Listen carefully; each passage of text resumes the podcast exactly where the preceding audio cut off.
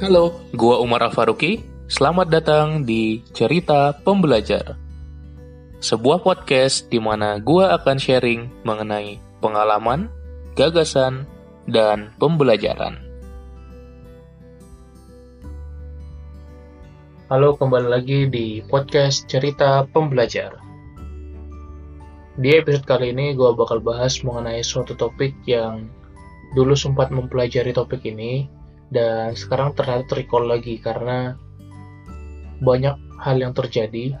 Dan ternyata kita Ramadan di rumah aja dan gue jadi banyak berefleksi terhadap diri gue sendiri.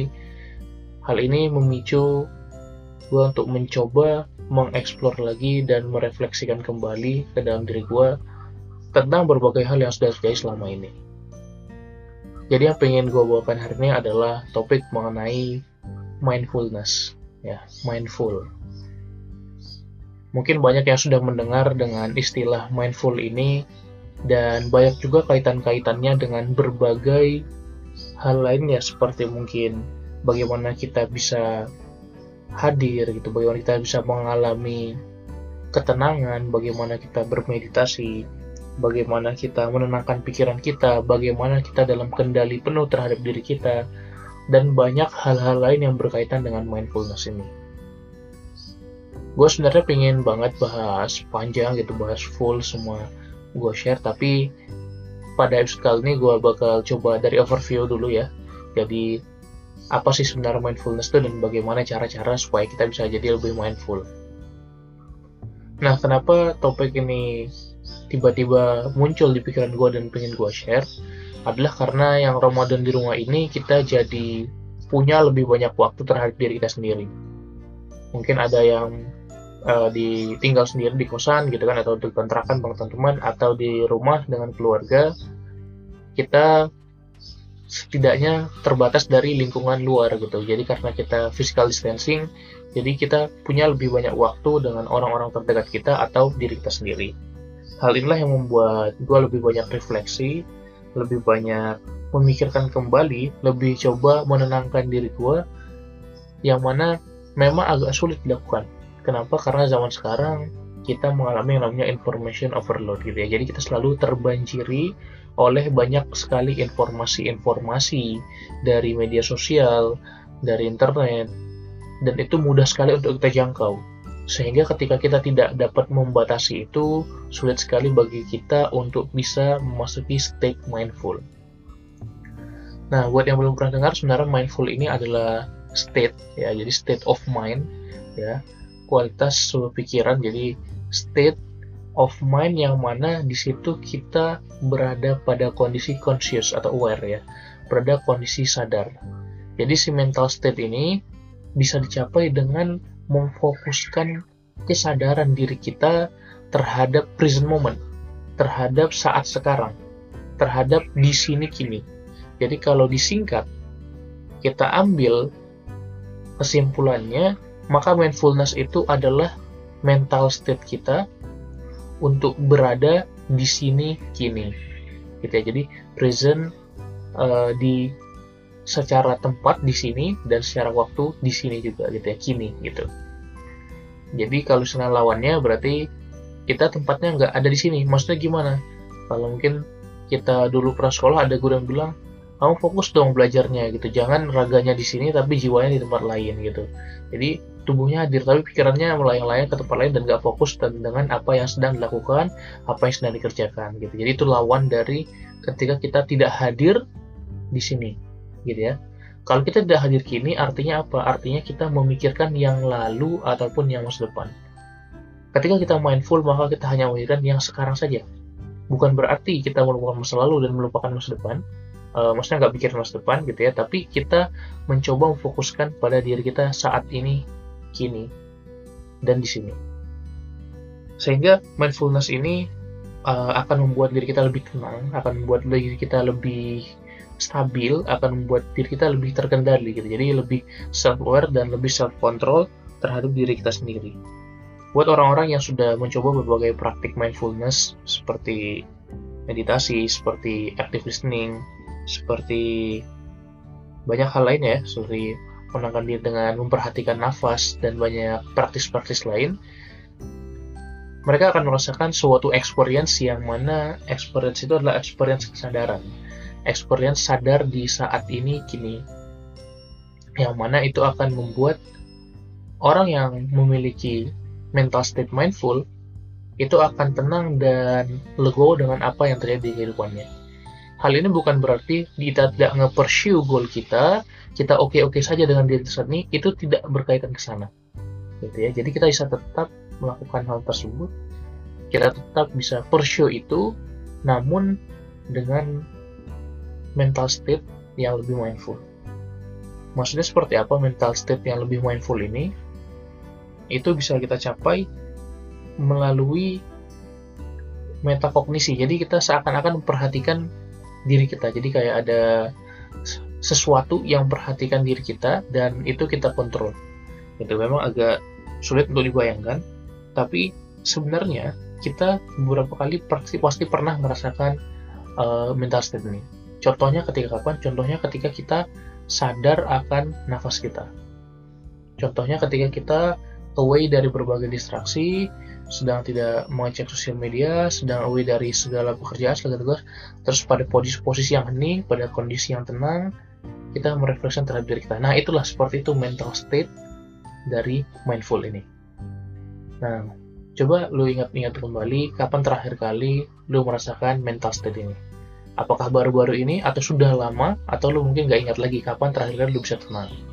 Kenapa? Karena sekarang mungkin banyak banget lu punya pekerjaan, lu punya tugas, lu punya kegiatan, lu punya fokus A, B, C, D, E, ada distraksi sana sini, distraksi sana sini, masuk pesan, masuk email, masuk notifikasi, yang mana itu membuat pikiran kita kurang lebih seperti berantakan. Jadi kalau misalnya ruangan itu banyak debunya gitu, banyak sampahnya gitu, sehingga harus dibersihkan.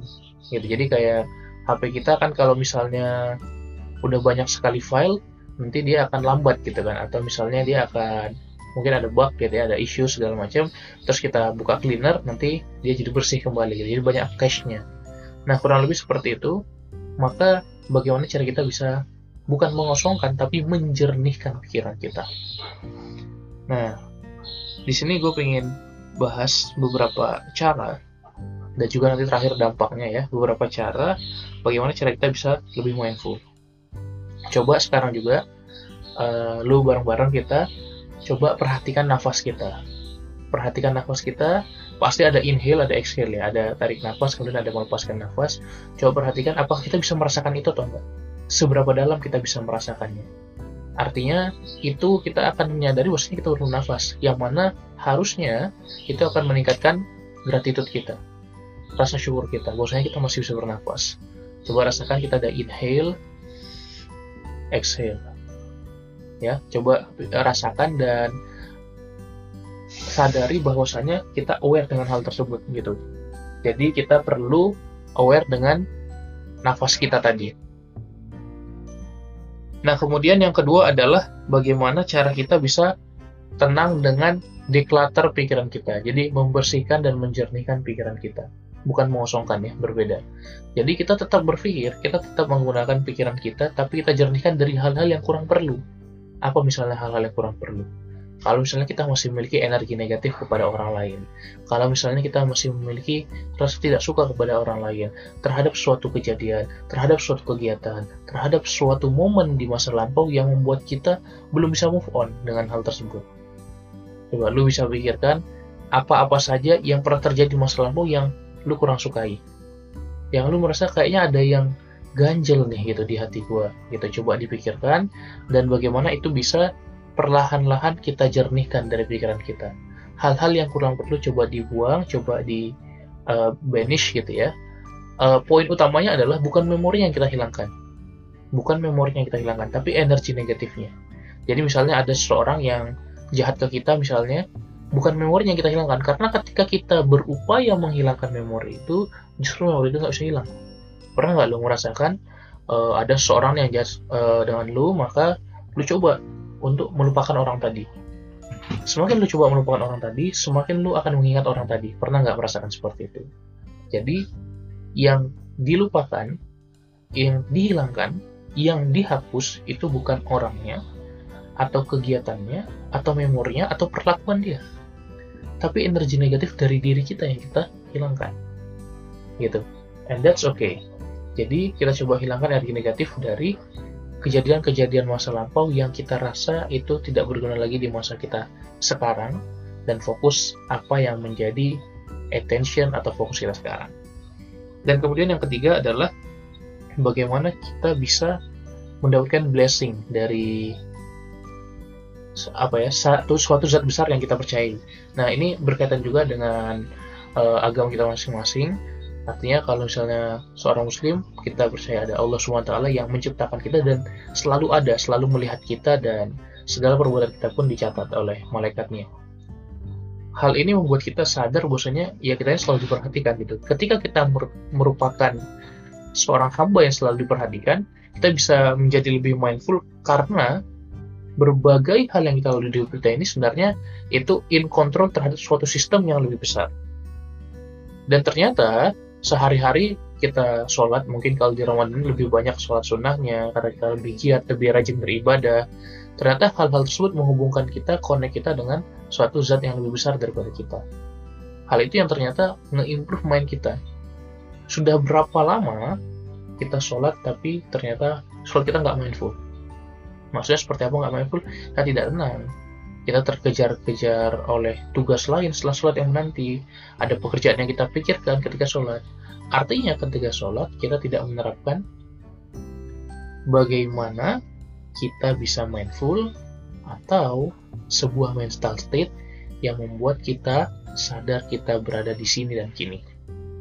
Coba ketika misalnya ketika beribadah apa kita mindful atau enggak coba kita introspeksi diri kita masing-masing gue juga tetap harus mengintrospeksi diri gue sendiri terutama apakah gue sholatnya udah benar secara kehusuannya gitu mungkin momentum Ramadan ini bisa membuat kita lebih memikirkan kembali memikirkan ulang dan mengupgrade kembali kualitas ibadah-ibadah kita supaya lebih khusyuk. Nah, khusyuk ini mindful lah kurang lebih korelasinya, ekuivalensinya. Apa ketika sholat kita memikirkan tempat lain, pekerjaan lain, tugas lain? Atau ketika sholat apa kita memikirkan hal-hal yang sudah lewat atau rencana-rencana kita yang akan datang? Nah, alih-alih kita terdistraksi secara tempat dan waktu, coba kita kembalikan lagi, kita berada di sini kini, kita fokus ke sholat yang sekarang kita lakukan, kita di sini, kita sedang sholat, dan juga kita berfokus pada waktunya juga pada yang sekarang. Itu yang ketiga, dan kemudian yang terakhir yang keempat, bagaimana kita bisa berintrospeksi diri atau refleksi diri. Kenapa? Karena kita harus mengingat kembali reason kita apa, why kita apa. Mungkin kalau misalnya di buat yang muslim kita belajar alasan tadi ini adalah untuk beribadah kepada Allah SWT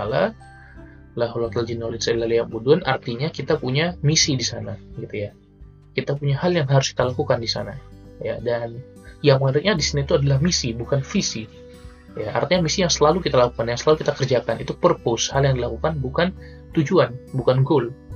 Gitu. Jadi ini adalah hal yang terus kita lakukan beribadah sehingga apa pun yang kita lakukan kegiatan apa pun yang kita lakukan coba kita niatkan itu untuk niat semata-mata karena Allah karena bisa beribadah dan coba kita cari nilai-nilai manfaatnya dari situ gitu. Jadi benefit secara dunia dan akhiratnya dua-dua dapat gitu. Jadi itu akan membuat kita lebih mindful juga. Kenapa? Karena ternyata ketika, kita melakukan sesuatu kalau kita niatkan kepada Allah swt ternyata sadar ada yang melihat kita.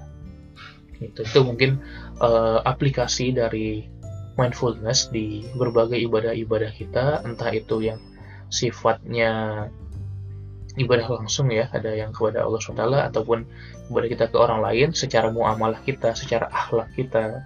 Bukan hanya secara ibadah sholat dan seterusnya saja gitu jadi itu keduanya harus penting untuk kita pahami bahwasanya ketika kita beribadah secara vertikal kita memahami kita menyembah Allah SWT dan ketika kita beribadah secara horizontal pun kita juga sadar bahwasanya kita ini sedang berhubungan dengan siapa, berhubungan dengan manusia, berhubungan dengan teman kita, dengan keluarga kita. Apakah sudah benar? Apakah sudah seperti ini yang paling pas gitu?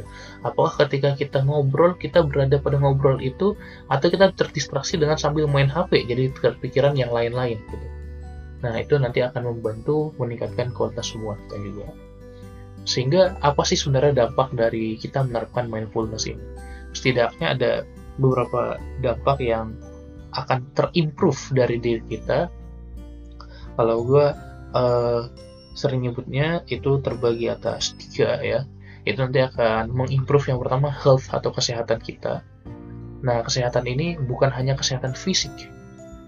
Jadi benar mindfulness banyak uh, penelitiannya, wah ternyata bisa meningkatkan physical fitness gitu, mindfulness, meditasi dan seterusnya. Bukan hanya kesehatan fisik, tapi kesehatan mental juga dan kesehatan spiritual juga. Jadi body, kemudian mind kita, terus kita juga. Jadi kita dengan menerapkan mindfulness akan meningkatkan kesehatan tadi yang pertama itu. Kemudian yang kedua adalah kita bisa meningkatkan performance kita Kenapa? Karena kita aware terhadap sesuatu hal. Jadi ketika kita bekerja, kita full melakukan pekerjaan itu. Kita fokus maksimal. Energi kita kita curahkan semua ke sana. Gitu. Jadi bukan kita melakukan multitasking atau misalnya kita melakukan hal-hal yang lain di luar dari pekerjaan utama kita. Nah, itu yang akan mendistrak kita sehingga membuat kita sulit untuk bisa fokus. Sulit untuk bisa terus mengerjakan sesuatu dengan energi maksimal kita.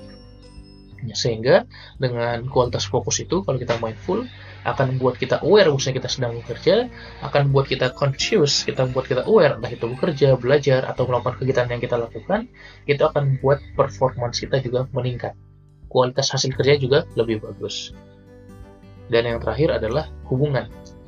Ya, hubungan ini sebenarnya kalau misalnya di breakdown ada hubungan ke Allah SWT secara vertikal, ada hubungan antar manusia dan juga bagaimana hubungan kita dengan makhluk-makhluk selain manusia jadi hewan, tumbuhan dan juga alam gitu bagaimana hubungan kita dengan alam itu bisa baik gitu jadi kita aware ketika kita berhubungan dengan Allah SWT kita aware juga ketika kita berhubungan dengan manusia lain atau orang lain kita aware juga bagaimana hubungan kita dengan makhluk lain dan mungkin benda-benda di sekitar kita yang tidak punya ruh gitu bagaimana hubungan kita dengan berbagai peralatan di sekitar kita, berbagai benda di sekitar kita, dengan handphone kita, dengan gadget kita, dengan buku kita.